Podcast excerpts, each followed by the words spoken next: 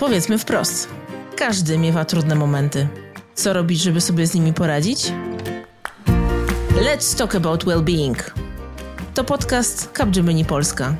A ja się nazywam Katarzyna Smuda. Jednym z celów dbania o well-being finansowy powinno być odkładanie pieniędzy na emeryturę. Banki i instytucje ubezpieczeniowe, reklamując swoje rozwiązania, mówią tutaj jednym głosem. Im szybciej zaczniemy oszczędzać na emeryturę, tym lepszych rezultatów możemy się spodziewać. Ponadto nawet niewielkie kwoty gromadzone przez kilkadziesiąt lat potrafią zbudować naprawdę spory kapitał. I jest to prawda. Natomiast w mediach co jakiś czas wraca też temat tego, że ZUS prędzej czy później upadnie i jeśli sami nie zadbamy o naszą emeryturę, to nie dostaniemy niczego. O ZUSie i upadku ZUSu no, słyszymy już od 20 lat.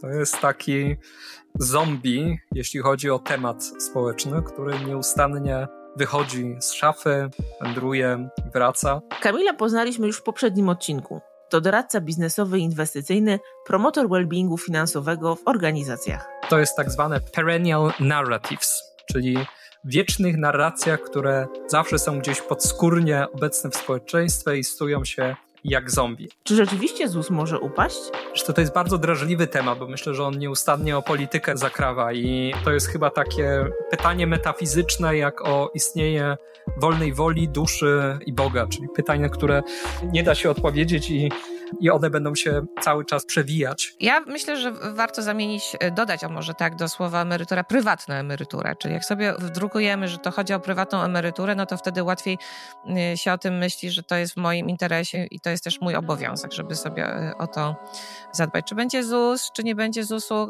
kto to wie, co to będzie. Mówi Dominika Nawrocka, ekspertka finansów osobistych i założycielka ogólnopolskiej organizacji Kobieta i Pieniądze.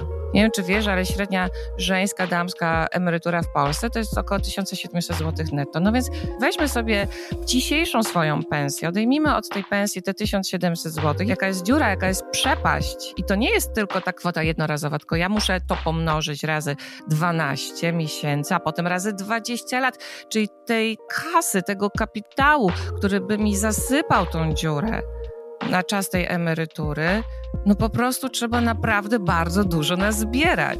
Ja zachęcam do takiej prostej kalkulacji, to bardzo otwiera oczy, bardzo klaruje, że tak powiem, wizję tego, po co w ogóle zarabiać, po co zarządzać, po co oszczędzać i po co pomnażać pieniądze.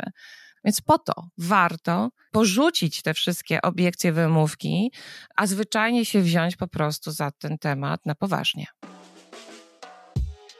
Możemy oczywiście motywować się bardzo amerykańskim snem i drogimi samochodami, wielkimi domami, ale żyjemy w Polsce w takiej rzeczywistości, a nie innej. Wydaje mi się, że najpierw trzeba zabezpieczyć sobie po prostu byt, a żeby to zrobić, to naprawdę trzeba sporo wysiłku. Jeżeli ja dzisiaj zarabiam określoną sumę pieniędzy, myślę sobie, czy ja w ogóle się nadaję, żeby zarabiać więcej, czy ja się nadaję na awans i tak dalej. No ale jak ja mam perspektywę długoterminową, to ja w ogóle nie mam co mieć jakieś wątpliwości. Ja muszę zarabiać coraz więcej pieniędzy. Myślę, że to bardzo akurat pomaga kobietom, bo my sobie lubimy tam, wiesz, poprzecinać same skrzydła, a tu nie ma co, bo my mamy naprawdę dużo do zrobienia, więc bez tego pierwszego etapu, bez tego zarabiania, no to to jest, kurczę, no w ogóle niemożliwe, więc to jest mega ważne. My musimy zarabiać jak najwięcej, więc podnosimy swoje kompetencje, myślmy o tym bardzo świadomie i, i i działajmy zwyczajnie. No oczywiście później ten drugi krok, no to to jest to zarządzanie, czyli takie zarządzanie tymi zarobionymi pieniędzmi, że tylko nie przejeść zwyczajnie wszystkiego, czyli żeby jak najwięcej jednak tych nadwyżek, czyli tych oszczędności zgromadzić, bo to jest y, coś, co zasila nam właśnie potem tą naszą emeryturę. I oczywiście inwestowanie, czyli pomnażanie tych pieniędzy, żeby móc to zrobić szybciej żeby móc to osiągnąć szybciej i skuteczniej. Więc jeżeli ja wezmę i uznam, że ten temat jest moim tematem, że ja jestem, jak to mówią w pracy, w korporacjach, ownerką tego tematu, prawda, to ja wtedy zaczynam o tym myśleć i po kolei, i po kolei się na tych wszystkich etapach skupiać. Także prywatna emerytura to jest moje zadanie do wykonania.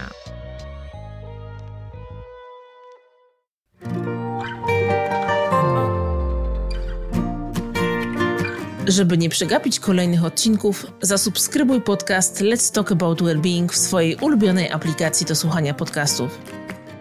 A jeśli ten odcinek Ci się spodobał, podziel się nim z koleżankami i kolegami z pracy. Niech oni też skorzystają z zawartych w nim rad. Linki do zagadnień poruszanych w odcinku znajdziesz w jego opisie.